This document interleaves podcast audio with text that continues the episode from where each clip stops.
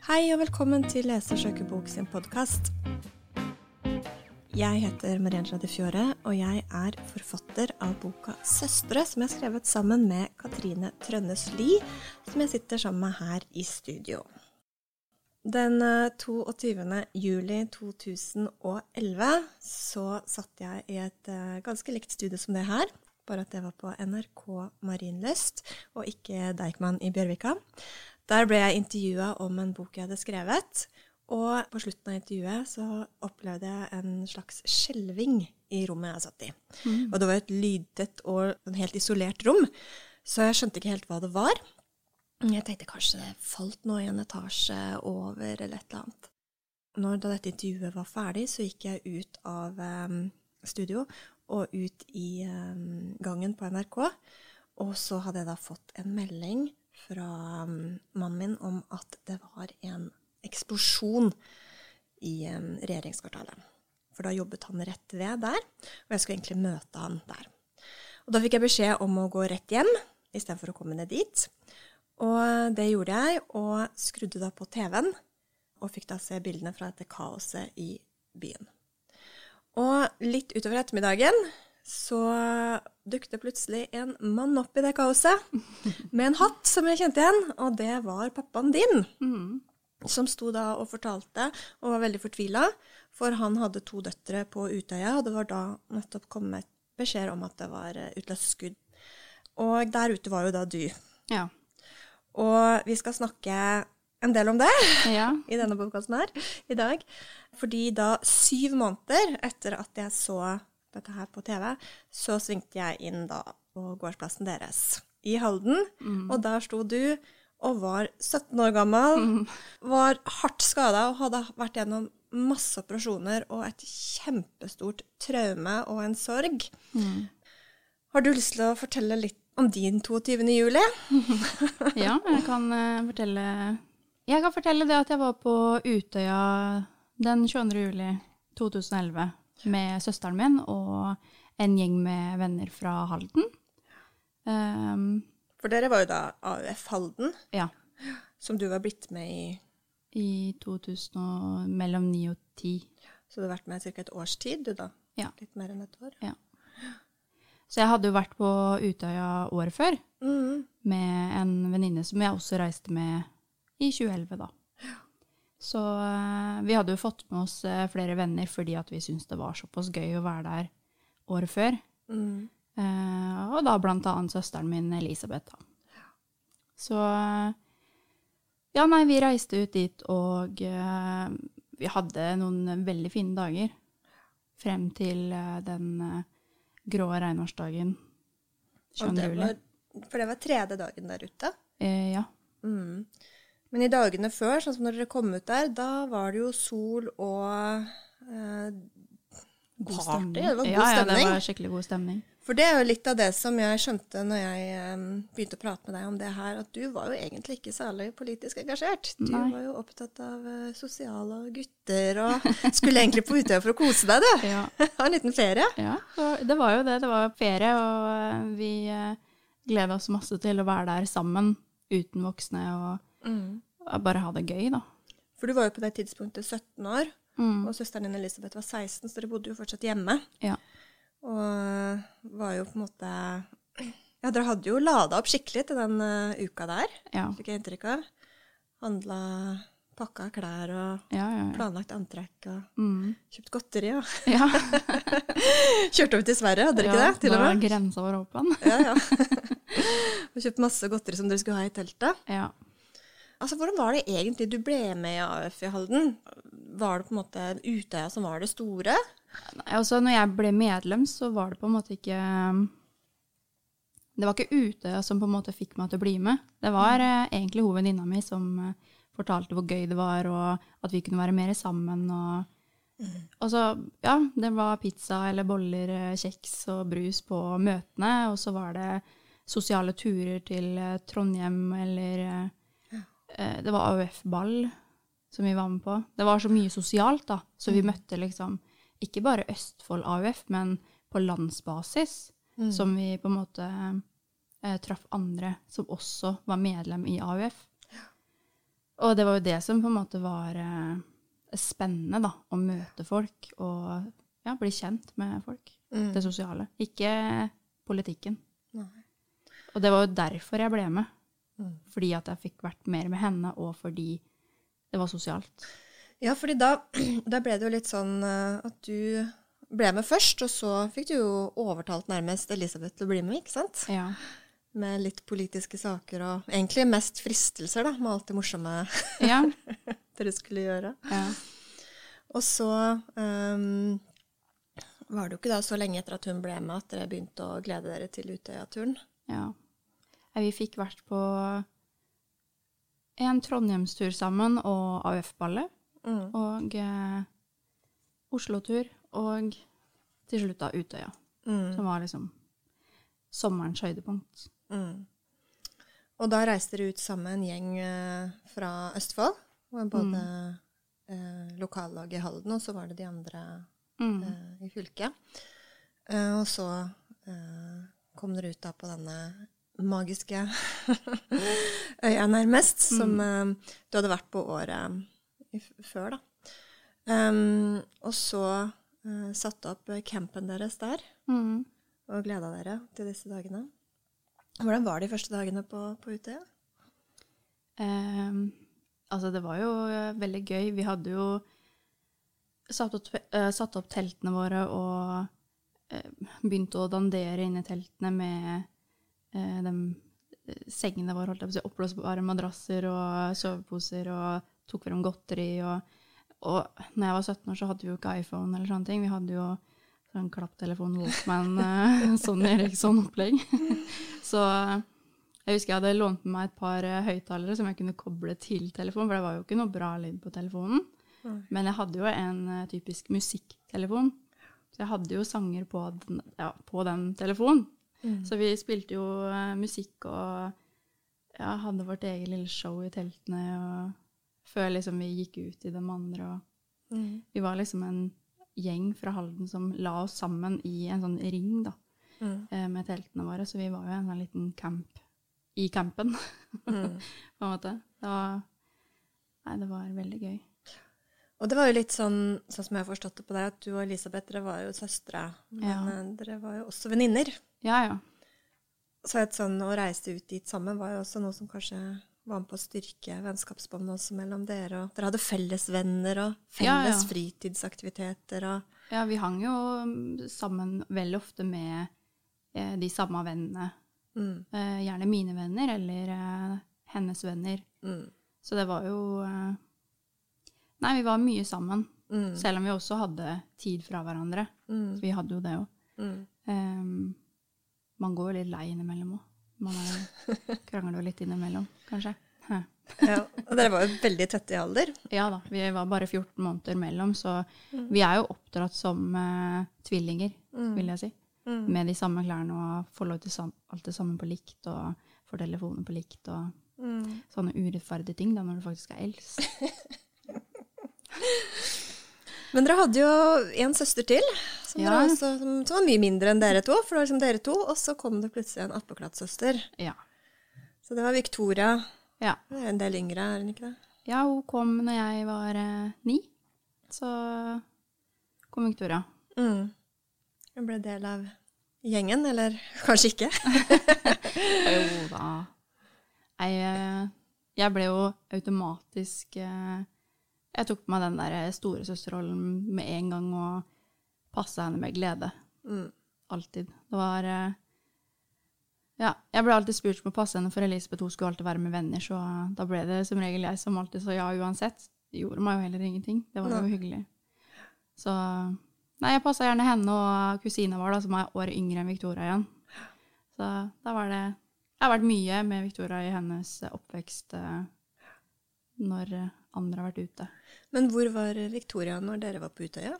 Victoria var eh, på campingen Mm. eh, sammen med resten av familien. Mamma og tante og onkel og besteforeldre. Mm. Så det var langt unna. Ja, fra, ja, jo, det var jo langt unna der jeg var. Mm. Det var det. Nei, altså Jeg har jo tenkt litt på det med um, Når dere var der ute og alt, alt, det dere gjorde av uh, aktiviteter og ting. Var, var det noe som uh, dere syntes var ekstra moro? Det var en karaokekveld, eller? Ja, ja, ja. dere var veldig glad i å synge. Ja, både... Du synger jo fortsatt, gjør du ikke det? Ja. Mm. Ja, så Sangglad familie, i hvert fall. Ja, det, det stemmer. ja, nei, jeg er glad i å synge fortsatt.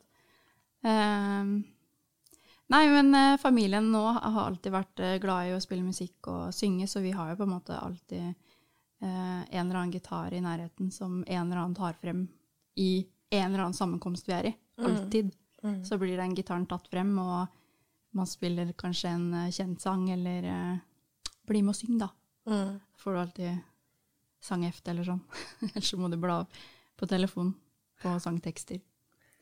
Og den Bli med og syng, det, det blei det på Utøya òg, for da fikk ja. dere med Elisabeth, gjorde dere ikke det, til å synge Jeg, jeg husker ikke hvem som var drivkraften i det, men uh, det kunne godt vært henne som var eh, drivkraften i å gjøre det. Det husker jeg, det husker jeg ikke. for sånn jeg forsto det, så sto dere i hvert fall plutselig ja. foran hele alle hele sammen der. Storsalen, ja. ja, hele storsalen, og sang Bobbysocks, intet mindre. La det svinge. Ja, ja. For full hals. Ja. Og, det, og fikk eh, trampeklapp og skapte skikkelig stemning. Ja. Fikk eh, alle med dere. Det var, og... Eh, det var gøy. Det, var, det, er liksom ikke noe jeg ville gjort på den tiden selv. Jeg er jo ikke den som har opptrådt i konkurranser på den måten som Elisabeth har, da, med sang. Mm som var med på Hallen-talentet, og alle årene på ungdomsskolen så var hun med. Mm. Og eh, ja, jeg var ikke der, da, med at jeg turte å synge foran andre. Så det, for meg så var det et veldig stort steg å stå på eh, scenen i storsalen og synge høyt. Det, men det var en veldig fin opplevelse. Ikke sant? Ja. Og det var jo da en opplevelse dere gjorde da den kvelden eh, Eh, det ble vel eh, kvelden egentlig før mm. Regnet begynte, for å si det sånn. For ja. da hadde dere en ekstatisk opplevelse med sang og dans og foran alle. Mm. Og, og, gikk og la dere nærmest i lykkerus. Ja, ja. Og så neste morgen så våkna du av at regnet tromma på teltduken. Ja. Da var det 22. juli på morgenen. Mm. Og um, da kjente du at humøret sank litt. Ja. For du visste at regnvær og Utøya ikke nødvendigvis var Nei, da ble man liksom Hva skal man finne på i dag, da? Man kan mm. ikke bade, man kan ikke gjøre ting ute fordi det regner, og man hadde kanskje ikke med seg regnjakke og gummistøvler. men du gleda deg veldig da, til ja. diskoteket. Ja da. For det, det, det var jo på diskotek på kvelden, og før ja. det skulle jo da Gro Harlem Brundtland komme. Noe da veldig mange gleda seg til. Men du ante ikke da hvem det var? Er ikke det sant? Jo. Jeg, alle snakka om Gro, og eh, jeg husker jeg, jeg spurte jo uh, hun venninna mi i, i, gjengen da, som er var politisk engasjert, hvem er Gro? Hvem er det som kommer?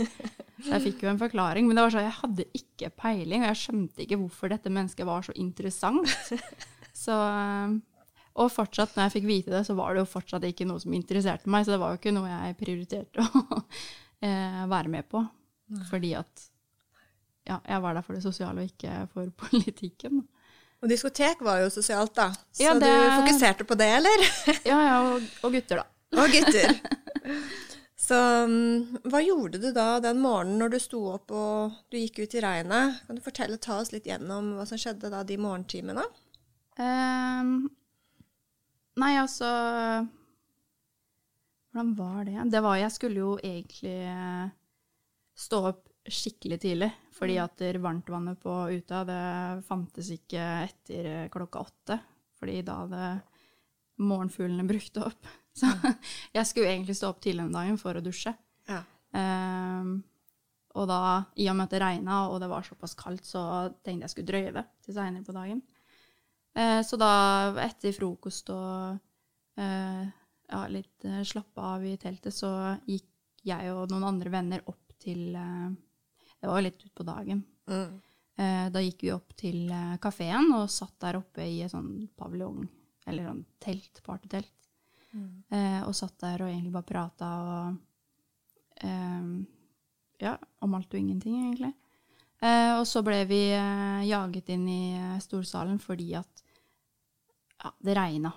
Du har ikke noen unnskyldning til å sitte ute. Da får du være med på et foredrag eller være med på noe politisk. Så vi ble jo jaga inn, da, så vi måtte se på et sånt foredrag. Eh, og da, etter vi hadde vært der inne i jeg vet ikke, halvtimes tid eller noe sånt, så eh, begynte det å komme masse mennesker inn, og da kom lederne til slutt inn da, og fortalte hva som hadde skjedd, og at det hadde gått av en bombe i regjeringskvartalet. Mm. Um, så ja, da Jeg visste jo ikke hvor regjeringskvartalet var, jeg visste ikke hva det var, jeg visste ikke hvem som på en måte var eh, berørt. Mm. Um, eller, ja Eneste jeg visste, var at jeg har eh, familie i Oslo, og jeg vet at pappa jobber i Oslo. Um, og det var på en måte det som jeg ville finne ut av. Er noen av mine berørte? Og så, etter vi hadde fått beskjedene vi fikk, så eh, fant jeg Elisabeth, og vi eh, ringte pappa til han tok telefonen, eller ringte oss opp igjen. Mm. Eh, Snakka med annen familie i Oslo. og alle sammen var liksom OK. Da. Det var ingen som var i Oslo der det skjedde, da. Mm. Så vi var safe der, da. Mm. Men det var jo fortsatt uh, veldig mange andre berørte som satt i salen. Og det var jo folk som begynte å gråte, og folk var redde for hva som hadde skjedd. Og vi visste jo ikke hva som hadde skjedd, vi visste at det var en bombe. Mm. Det hadde sprengt. Hva var det for noe? Det var jo det vi stilte oss spørsmål med, da. Så ehm, vi bestemte oss da for å gå ned til teltene våre igjen, og da var det jo ja, jeg og en annen venninne som gikk ned. Elisabeth ble igjen oppe. Eh, og så ser jeg henne stå i vinduet med et sånn tomt blikk og titter ut i løse lufta med telefonen opp mot øret, så jeg tenkte kanskje hun ringer noen eller hører på radioen eller eh, Jeg visste ikke hva hun gjorde, men hun så helt borte ut av øyeblikket sitt, så jeg fikk kontakt med henne og spurte henne om det gikk bra med å vise en tommel opp. Eh, eller vingle på tommelen da, i forhold til opp og ned. Går det bra? Og da viste hun meg tommel opp tilbake, og så smilte vi sånn litt sånn småkleint til hverandre, og så ja, så gikk jeg ned til uh, teltet mitt.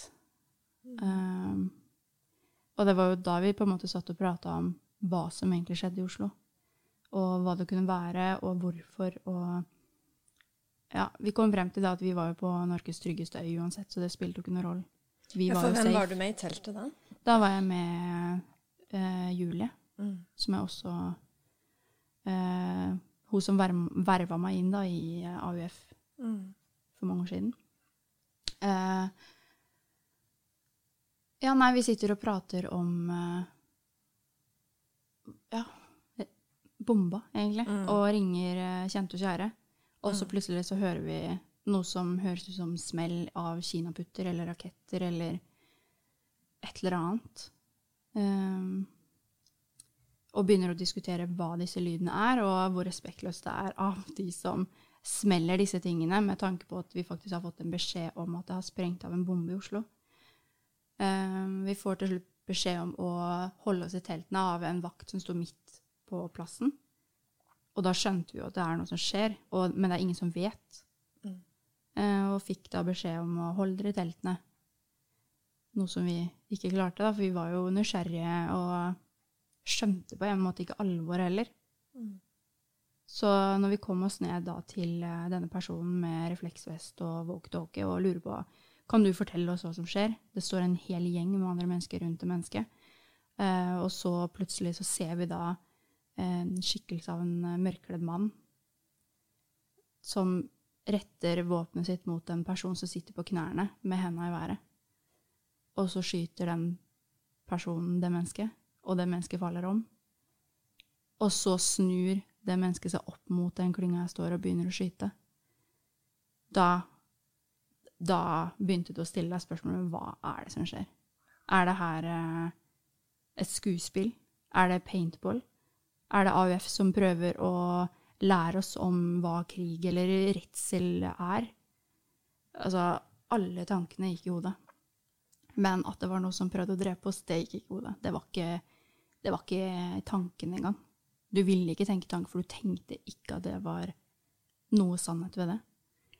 Så jeg og Julie mister jo hverandre på den veien i eh, flukten, da. Eh, fra, For da begynte dere å løpe, ikke sant? Ja, vi begynte å løpe opp mot uh, skogkanten, opp mot Kjærlighetstien. Uh, der mister vi hverandre. Og uh, ja, jeg blir stående veldig lenge oppe ved Kjærlighetstien for å se etter kjente mennesker, se etter noen jeg kjenner. Fordi at den frykten med å gå helt alene, da, eller løpe alene, den Det hadde jeg ikke lyst til. Og så skjønte jeg heller ikke hvor farlig situasjonen vi var i. Så det å løpe alene, som ville kanskje vært eh, en naturlig reaksjon, det var ikke reaksjon hos meg, for jeg skjønte ikke alvoret. Så da blir jeg stående på kjærlighetsstien og eh, snakke med folk som kommer forbi, og til slutt bestemmer jeg meg for å gå ned den skrenten som jeg ser veldig mange andre aker seg ned i. Mm. Det begynte å bli veldig få med folk som kom løpende rundt på kjærlighetsstien. Så eh, da sto jeg og tenkte skal jeg løpe rundt øya Jeg hadde ikke gått hele kjærligheten, hadde ikke gått rundt hele øya. Så jeg visste ikke hvor jeg kom til å komme, ende opp. Um, så jeg tenkte skal jeg løpe rundt alene i, uh, på steder jeg ikke vet hvor jeg er, eller skal jeg løpe ned der som alle andre er? Og da valgte jeg jo det. Mm. Å følge flokken. Så begynner å ake meg ned da den skrenten. Um, og uh, ja, det er mye som skjer på veien i forhold til uh, Prøver å gjemme seg i en fjellhylle og uh, skjønner at det er ikke plass. Begynner å skli. Og du hører hele tiden skrik og gråt og skudd som kommer nærmere. Og jeg skjønner at der jeg gjemmer meg, kan jeg ikke gjemme meg, fordi jeg er ikke jeg syns, og jeg er ikke sikker der. Og jeg vil være et skjold for de som allerede sitter der. For det var fullt, ikke sant? Ja, det var fullt det er akkurat der. Eh, så jeg begynner å ake meg nedover mot vannet, for jeg tenkte om jeg kommer meg rundt fjellet eller Jeg må først ned for å se. Eh, for å legge på svøm, det var ikke aktuelt engang, fordi nærmeste land, det var eh, Jeg visste ikke om det var øy eller fastland, men det var så langt av gårde, så det Jeg tok ikke Tenkte ikke på det engang. Så i Ja, på vei ned da mot vannet så kan man liksom høre dem skrike og gråte og, og det er dødsskrik, liksom. Eh, og eh, ja, du hører at det smeller, da. Og så plutselig så smeller det ryggen min. Og jeg kjenner at jeg kaster meg fremover, for jeg får ikke puste. Og slenger meg tilbake igjen, og jeg, klarer, jeg får, har ikke pust. Jeg blir truffet i lungen. Um, og jeg kjenner at jeg har lyst til å bare rope ut hvor mange jeg elsker. Da, til Kan noen fortelle det til familien min, dere som overlever? Men jeg hadde ikke en sjans. Og så var det også en liten del av meg som tenkte at tenk om det her er skuespill, tenk om det var bare en skikkelig hard paintball. Det var sånn, Jeg var på ekte litt flau for at jeg skrek så høyt. For det gjorde så vondt. Det brant inni kroppen. Og, men jeg klarte ikke gjøre annet enn å hive etter pusten og skrike. Og det var på en måte det eneste jeg hørte rundt meg, og etter det så bare ble det svart. Til jeg ble skutt igjen. Og da ble jeg skutt i uh, armen. Og ja, det, det Altså, det var ikke til å sammenligne. Det, jeg kjente ikke smertene. Det var som noen kasta en liten stein på meg. Som ikke, ikke hardt engang. Barn kaster en stein på det. Det kjente det ikke, liksom. Det var, så, men så løfter jeg armen og ser liksom inni armen min, og det som på en måte faller ut. Det ble kanskje litt grotesk sagt. Men det var så eh, spesielt å bare ligge der og bare se at jeg har faktisk blitt skutt i armen. Og det gjorde ikke vondt. Og så lener jeg meg egentlig bare tilbake og venter egentlig på å bli redda, da. Eller dø. Det visste jeg jo ikke ennå. Tenkte du på Elisabeth når du lå der, og hvor hun var hen? Ja, selvfølgelig. Det var jo eh, tanker som gikk i hodet mitt med både henne og de andre fra Halden. Eller kjente mennesker. Hvor, hvor var det med henne? Jeg mm. håpet de var i sikkerhet. Og jeg regna med at Elisabeth var der som jeg forlot henne. mm. inne i storsalen. Eller i hvert fall i kafébygget, mm. der det hun var uh, trygg. Um, så la jeg ikke så mye mer tanker i det, egentlig. Nei. Det var egentlig bare en tanke som streifa at hvor er det, men hun må jo være trygg. Når du lå der på fjellet da, og var skutt både mm. i lungen og i armen mm. um, jeg å si, hva, tenkte du, hva tenkte du? Ble det bare mer det, en slags døs, eller hadde du konkrete tanker? Ja, altså Når jeg ble skutt i, uh, i ryggen, så kjentes det ut som uh, uh, en eksplosjon inne i brystet mitt. Og Altså, jeg var 17 år, og det kjentes for det første ut som eh, jeg både bæsja på meg og tissa på meg. Og, fordi det var såpass eh, hardt trykk. Jeg gjorde ikke det, men tanken var der. fordi det ble, det ble såpass stort trykk, da. Mm. Um, igjen så kjentes det ut som hele puppen min forsvant. Mm. Og i den alderen der så blir man jo litt sånn Nei, for søren. Det, skal jeg, hæ? Skal jeg leve uten pupp? Det var liksom Nei, det For meg så var det liksom Det går ikke an. Jeg tenkte nå kommer jeg til å se så rar ut, liksom. Så det var, eh, det var liksom noen tanker som uh, tok meg med en gang jeg skjønte hva som hadde skjedd, da. Um, og så var det jo uh, Ja, nei, altså, jeg kan bare huske at jeg var skikkelig tørst. Jeg lå og prøvde å fange regndråpene med munnen, men det var så vondt å ligge sånn. Så jeg kunne ikke ligge sånn, så jeg måtte snu på hodet mitt. Og så fikk jeg vann i ørene, så jeg måtte snu på hodet igjen for å på en måte tømme. Men jeg fikk aldri liksom drukket noe vann. Jeg mm. husker det var liksom Jeg var så tørst. Mm. Og så var det den sangen, da, som eh, gikk på repeat i hodet mitt sånn i Jeg husker ikke hvilken sang det er, men det var en sånn irriterende sikkert en R&B fra 2009-2010, vil jeg si. Um, og jeg likte ikke sangen engang. Det husker jeg. Uh, og den gikk på repeat, da. Noen få strofer av den mm. sangen. Og så, jeg husker jeg lå og stussa på hvorfor den. Jeg mm. prøvde til og med å bytte sang, men det gikk ikke. Neste! det gikk ikke. Så den uh, lå og spilte av i hodet mitt uh, gang på gang. Samme strofene. Og det kom hele tiden underveis. Så um, ja, det er noen av mine tanker. ja, nei. Altså veldig sånn kroppslig, på en måte, da. Altså at du kjenner kroppen din, eller tenker på kroppen og um, Men var det noe tidspunkt hvor du ble på en måte klar over omgivelsene rundt deg? At du kikka deg rundt, eller Ja. Um, og så litt hva som hadde skjedd? Det var jo uh, etter at jeg ble skutt i armen, så etter det, Jeg hadde jo eh, besvimt når jeg ble skutt i lungen og i magen, liksom mageregionen, eller bryst, inni kroppen. Da svimte jeg jo av. Av store smerter. Eh, men da jeg ble skutt i armen igjen, så på en måte det, Jeg våkna litt igjen og kom tilbake da, til eh, realiteten og jeg faktisk skjønte da Det var kanskje da jeg, det gikk opp for meg hva som hadde skjedd. Mm. Så da jeg på en måte lukker opp øynene, så Jeg titter ikke automatisk nedover, jeg titter liksom opp på det grå været. Jeg, ser, jeg legger merke til at det regner, for jeg trodde at jeg drømte. Mm. Og jeg ser liksom alle de grånyansene i både skyene og regnet og alt. Utsikten, vannet. Og det er jo da jeg på en måte legger merke til Altså, det her går jo veldig fort. Eh, men det er jo da jeg plutselig ser ned og ser alle de personene som ligger skudd skutt og eh, drept på nedsiden. Mm. Og som ja, kjemper for livet sitt, akkurat som meg. Og det var jo eh, Altså, naturlig for meg var jo å reise meg opp og sette meg opp på rumpa og spørre dem om det gikk bra, og ta kontakt med dem. Hva heter dere? Hvor, hvor mange ganger har dere skutt, og hvor?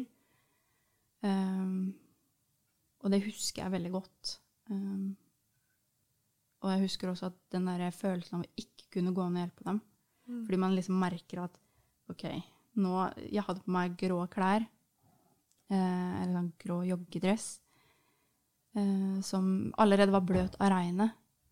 Som eh, hadde regna ned i bøtter. Og så plutselig så se, kjenner jeg at det renner varmt fra brystet mitt, eller magen, nedover magen og ned på låret, og ser eh, den grå, våte jo- joggebuksa bli enda mørkere i fargen, med hint av rødt. Og skjønner da at dere, ok, jeg kan faktisk ikke reise meg opp og hjelpe dem fordi at jeg, jeg er skutt sjøl. Mm. Og jeg vet ikke hvor mye blod jeg kommer til å miste, og jeg vet ikke hvor stor omfang det er. Så på et tidspunkt da så bestemmer jeg meg for å lene meg mot en stein som ligger ved siden av meg, en sånn fjellstein, for, med tanke på å stoppe blødninger. Det er ikke sikkert jeg gjorde det i det hele tatt, men det var liksom en tanke på at nå må du faktisk eh, ta vare på deg sjøl her. Så det var en tanke med å stoppe en blødning som jeg ikke visste omfanget av. Nei, omfanget var jo ganske stort, Ja. fant man jo ut etter hvert. For du ble jo da redda i land. Mm. Vet du hvor lenge du lå på dette fjellet og var skada? Eh, Det var eh, i nærheten av to timer. Det var det. Jeg tror ikke det var fullt to timer, men i nærheten. Og så kom det da noen og henta deg, ikke sant? Mm. I en båt. Ja. Politimann, eller politifolk. Ja.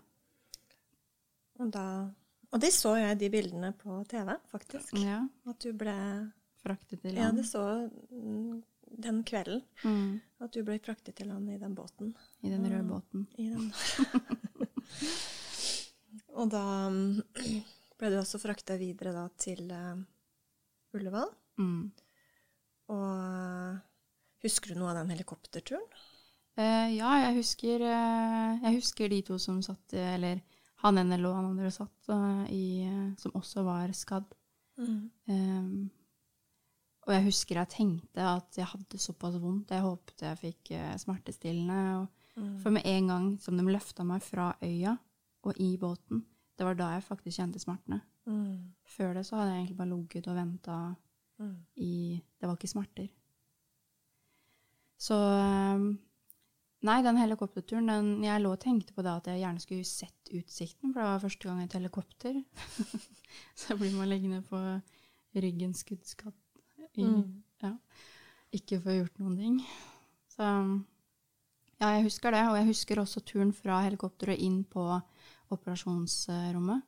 Der jeg følte eh, Det var så stressende rundt meg. Det var så mye folk, og det var ingen som på en måte så meg. Det var ingen som snakka til meg, eller eh, som jeg kan huske. Alt bare virra rundt meg. Mm. Det er liksom Det totale kaoset. Ja. Hva, hva skjedde så? Du ble frakta inn Ble lagt i narkose, eller hva?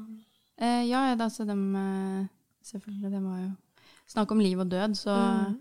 jeg hadde mista såpass mye blod, så jeg ble jo lagt uh, i narkose og fikk operasjon og ble lagt på intensiven i fire dager. Så ja. Du rakk jo å ringe Ja, når jeg lå på øya eller fastlandet etter Utøya, så fikk jeg ringt mamma, ja. Det var jo det eneste nummeret jeg kunne, og Elisabeth sitt, men uh, hun var jo allerede der. Jeg måtte ringe noen som ikke var der, som jeg kunne fortelle at jeg var OK, da.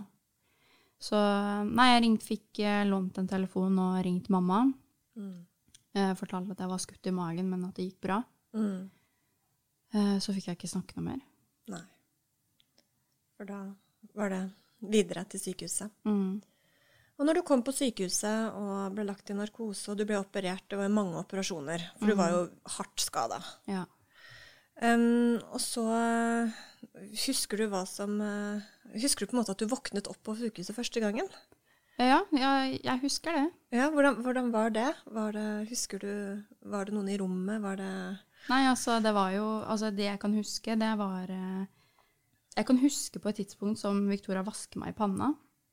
Ja, lillesøster Victoria. Som, hvor gammel var Victoria da? Syv-åtte? Syv? Åtte. Åtte år. Syv. Åtte. Ja, hun ble åtte det året. Eller den sommeren. Mm. Eh, nei, jeg kan huske at hun sto og vaska meg i panna. Eh, jeg hadde fått et nummer i panna i forhold til hvor mange som hadde kommet inn på sykehuset. Mm. Eh, og så husker jeg eh, tante og onkel og mamma og pappa. Den sto rundt senga di. Mm. Mm. Jeg husker at jeg ikke kunne prate, for jeg hadde et eh, pusterør i halsen. Mm. Og armen min gjorde ekstremt vondt. Eh, på grunn av nerver ble brutt, eller skutt av, eller ja, Mm. hva man sier. Så um, Og det var høyrearmen. Mm. Så i og med at jeg ikke kunne prate, så måtte jeg jo skrive. Eh, og jeg har jo sett i ettertid de arkene jeg har skrevet, og det Jeg ser jo Altså, man skulle jo trodd jeg hadde skrevet med venstre. Jeg har faktisk skrevet med høyre. Mm. Men det var såpass vondt, så det ble, det ble som det ble. Jeg fikk i hvert fall spurt om ting jeg lurte på. Hva var det du lurte på da, når du våkna opp? Eh, det første jeg spør om, er eh, om eh, de visste om Elisabeth Trønnes liv var her. Mm. Eller om uh, hun var Ja, om hun visste hvor hun var. Det var det første jeg spurte om. Hva fikk du til svar da? Eh, det var ingen som visste. Nei. Men dere fikk jo vite Det gikk vel nesten en uke Ja, det gikk en uke akkurat. hvor dere levde i uvisshet da, i Mm. forhold til, eh, til Elisabeth. Mm. Og så fikk dere vite at hun eh, Ja, du vil kanskje fortelle det selv? Nei, også Du kan fortelle, du òg. Nei, du har jo fortalt i hvert fall til meg tidligere at da fikk du beskjed om at hun da ikke hadde klart seg. Mm. Og at uh, hun var blitt skutt da i kafébygget, der hvor Mhm. du hadde sett henne sist, da, ved det vinduet. Og da begynte jo um, en ny fase på en måte i tilværelsen også på sykehuset, da. Mm. Fordi da hadde du vært gjennom også syv operasjoner, Mm. hadde du ikke det? Jo. Og da ble jo egentlig ditt mål å komme deg til begravelsen. Mm. Så det var på en måte din eh, ditt eh, fokuspunkt, da, å kunne klare å, å, å reise Ja, delta, rett og slett. For du var jo Mm. da så hardt skadet. Mm. Og ja, vi snakket jo om det en gang hvor du sa du så ut som en filledukke. Mm. Du var blitt så operert og hadde så mange arr og så mye smerter. Og bare det å reise seg opp, altså helt vanlige ting. Mm. Um, og det husker jeg jo da jeg også møtte deg første gang etter Utøya, da, som var da et halvår etterpå, eller ja, syv måneder etterpå. Ja. At du var jo veldig prega sånn fysisk. Ja. I tillegg da til alt det andre, så var det også vanskelig bare å gå ordentlig og bevege seg. Um, hvordan ble det da framover der da, å, å trene seg opp igjen? Det ble jo først fokus på det fysiske, da, å kunne klare å fungere, å få kroppen til å fungere, klare å kunne eh, reise seg, gå, dusje. Um, hva slags hjelp fikk du da? Um, jeg fikk uh sånn apparater og sånn, tenker du. Så fikk jeg jo Jeg fikk jo en rullestol, og jeg fikk eh, en eh, et sånt hjelpeapparat til å dra seg opp av senga. Eh, nå var jeg jo Hele magen min og opp til brystet var jo på en måte sydd igjen. Åpnet og sydd igjen. Så det var jo store smerter i selve mageregionen som gjorde at jeg trengte drahjelp opp, fordi at det var så vondt. Ehm, og så var jeg jo skutt i armen på høyresiden, og så det var liksom ikke så lett å Det var jo en helt ny teknikk jeg måtte lære meg å komme opp av senga på. Mm. Uh, og så Nei, ja, det var i hvert fall disse tingene. For det var syv operasjoner, ganske store, eller store operasjoner. Mm. Og det ble jo veldig da eh, fokus på å komme deg gjennom det. Mm. Og så var det jo ikke så mange som trodde at du ville klare å komme i begravelsen til Elisabeth. Nei. Ut fra de fysiske forutsetningene. Eh, men det klarte du. Ja da. Det gjorde Mot alle odds så sto du der, og ikke bare møtte opp i begravelsen. Du gikk også fram og holdt en lang tale Mm. for lillesøsteren din. Um, og så, etter det, så um, var det jo fortsatt på en måte med det arbeidet, fysiske arbeidet, men da også skulle du jo begynne å ta inn over deg hva som egentlig hadde skjedd. Mm. Um, og det må man jo ta nærmest i porsjoner, tenker jeg, for det var så stort. Mm. Både hva du selv hadde gått gjennom, og hva vennene dine hadde gått gjennom, men ikke minst da selvfølgelig at du da hadde mista lillesøsteren din, Mm. eh, Elisabeth, i tillegg. Hva er det du husker fra den tiden eh, etter, eh, etter du, du ble skrevet ut av sykehuset og etter at begravelsen var over og på en måte hverdagen skulle begynne igjen. Hva er det du Altså, jeg husker eh, jeg var mye med venner eh, i tiden etterpå. Mm. Um, jeg var mye våken på kveld og nattestider og sov på dagtid. Um, jeg hadde mye mareritt. Og det var egentlig bare tungt å være hjemme fordi at det var såpass stor sorg, da. Mm. Så min flukt ble jo vennene mine. Og så var det um, veldig gøy å se frem til eh, russetiden. Mm. Fordi jeg valgte jo å fortsette på skolen selv om eh, ja, det som hadde skjedd, da. Mm. Så nei, det var på en måte å være med venner som hjalp meg gjennom den tiden etterpå. Og det ble jo mange tøffe år. Mm. For nå har det gått ti år siden, Mm. uh, siden uh, du opplevde det på Utøya. Og de ti årene har jo Jeg har jo fulgt deg fra sidelinjen, og det har ikke vært ti lette år. Nei. Um, og det har jo vært litt av det som um, um, har fascinert meg. For du har jo Altså, det har jo vært så utrolig mye tøffe tak. Men du har jo på en måte aldri helt gitt opp, men du har vært veldig nær mange ganger. Ja. Hva er det som har gjort at du ikke ga opp? Vet du det? Har det vært en eller annen indre driv, eller et eller annet? Du tatoverte jo også Ja. etter Utøya. Tatoverte du Fighter, står det. Mm. Ser du herfra? Ja, jeg gjorde det. Det var liksom eh, det som ble uh, Hva skal man si? Ja, hva sier man? Det ble på en måte mitt ord som for å uh, fortelle meg sjøl, da. Mm. Uh, at jeg var en En som skulle kjempe. Dette skulle du komme deg gjennom. Ja. Og så blei det jo ikke så enkelt som det, for det ble jo mange år med eh, depresjoner og sterk angst. Du Mm. fortalte at du fikk diagnosen posttraumatisk stress. Mm.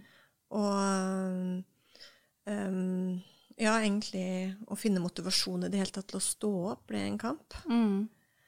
Um, og eh, det var jo flere ganger under arbeidet med den boka hvor jeg tenkte Kommer det her? Ja. Kommer du da noensinne gjennom det? For det så så mørkt ut. ja, ja, jeg husker det.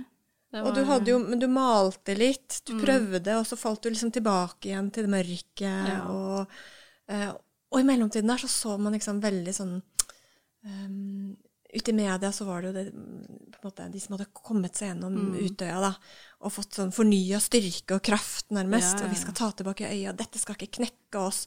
ja. Og så lå du der, unnskyld uttrykket, men liksom på et mørkt rom som et vrak, på en måte. Mm. Hvordan var det? Det var eh, det, demotiverende å føle at man hadde overlevd for eh, det her, på en måte.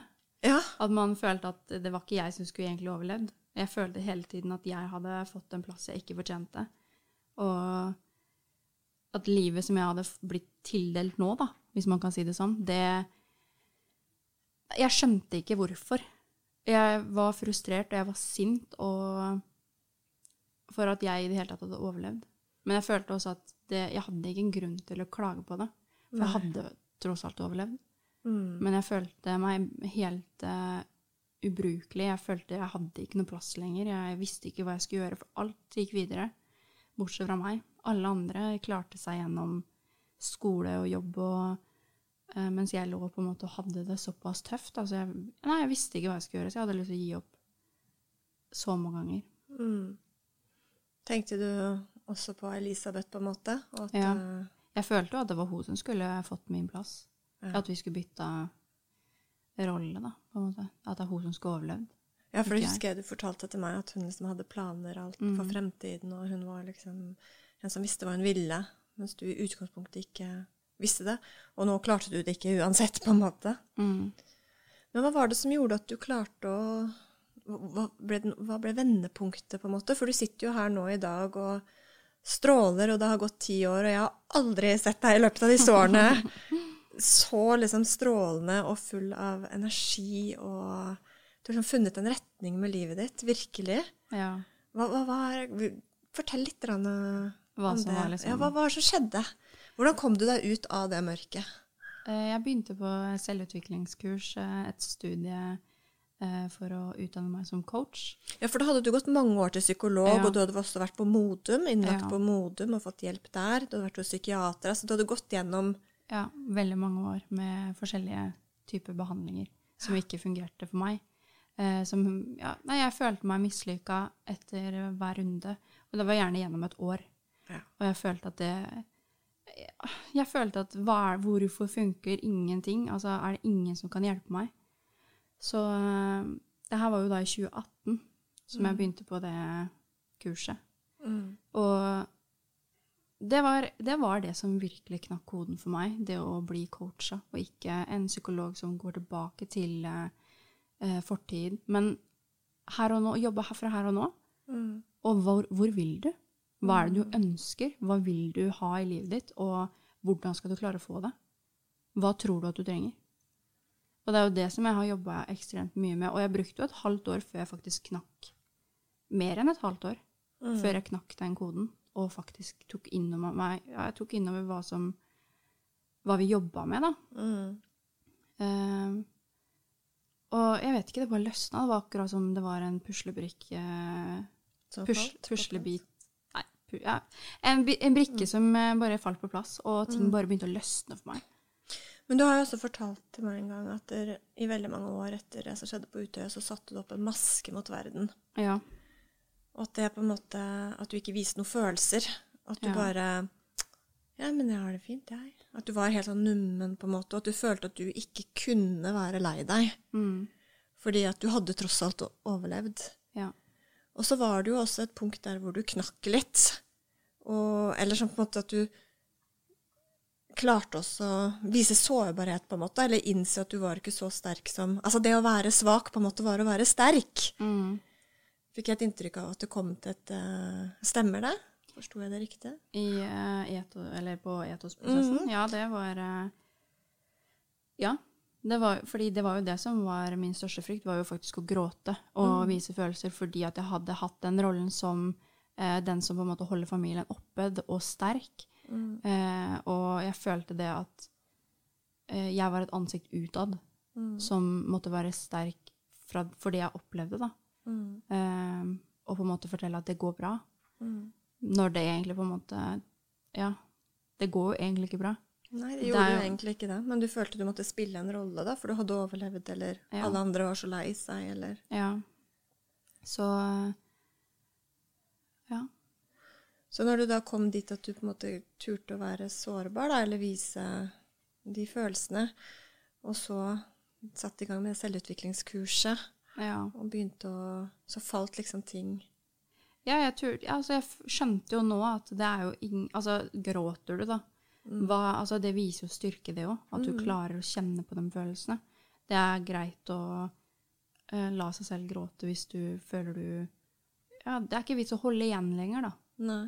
For uh, det å vise sitt sanne jeg, det er å være sterk. Mm. Syns jeg egentlig var veldig fint sagt, det, Katrine. Takk.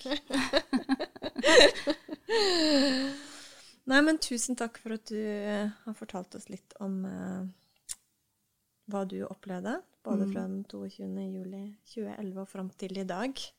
For en reise det har vært. Ja. Og vi har jo skrevet ned masse av denne reisen sammen i en bok som da heter 'Søstre', mm. som kommer nå om bare tre uker. ja. Hvordan føles det å ha skrevet en bok om dette her? Altså, det, jeg hadde ikke trodd at vi hadde kommet gjennom. Jeg hadde ikke trodd det. Ikke jeg heller, midt inni der. Nei, det var fordi alt var så mørkt, så jeg tenkte nei, den blir lagt på hylla for godt. Det, går ikke. Jeg var ikke på riktig sted i livet, så jeg følte nei, den boka, den, den kommer ikke. Men det gjør den, ikke bare kommer boka. Du har jo også fått jobb. Ja. Du jobber, og du gir masse av deg selv nå ute i samfunnet. Vil du fortelle hva slags jobb du har, sånn rent helt avslutningsvis?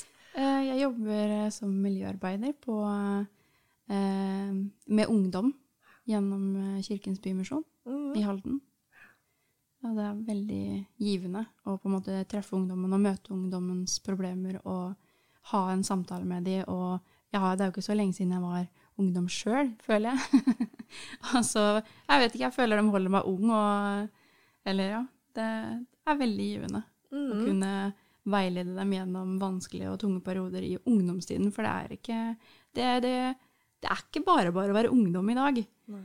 Og jeg føler at der, med min bakgrunn så føler jeg at det er faktisk noe jeg kan eh, kanskje hjelpe dem med. da. Mm. Og kanskje lysne hverdagen litt. Grann. Mm. Kanskje gi dem noe å tenke på i forhold til hm, ja, kanskje Katrine har et poeng der. Kanskje det er riktig å tenke den tanken. Mm. Så eh, nei, jeg er veldig fornøyd med, å, med den jobben jeg har, og ja, snakke med ungdom. Føler du at det du har vært igjennom, gir deg sånn ekstra Ja, mm. Du kan møte dem på på følelsene der de er. Du vet, du kan forstå. ja jeg skjønner følelser. Ja, det vil jeg tro. Men tusen takk, Katrine, for at du har delt dette her med oss. Mm. Både i bokform og nå i podkast. Ja, Så um, ønsker deg lykke til videre tusen med takk. alt det fantastiske arbeidet du gjør, og for at du deler historien din, for det kan hjelpe så mange andre Mm. gjennom både eh, traumer og kriser, eller bare det å takle livet generelt. Mm. Og budskapet må jo da være at man eh, må tørre å være seg selv og kjenne på følelsene sine, ikke trykke det ned. Mm. Du må gjennom mørket før du kan se lyset.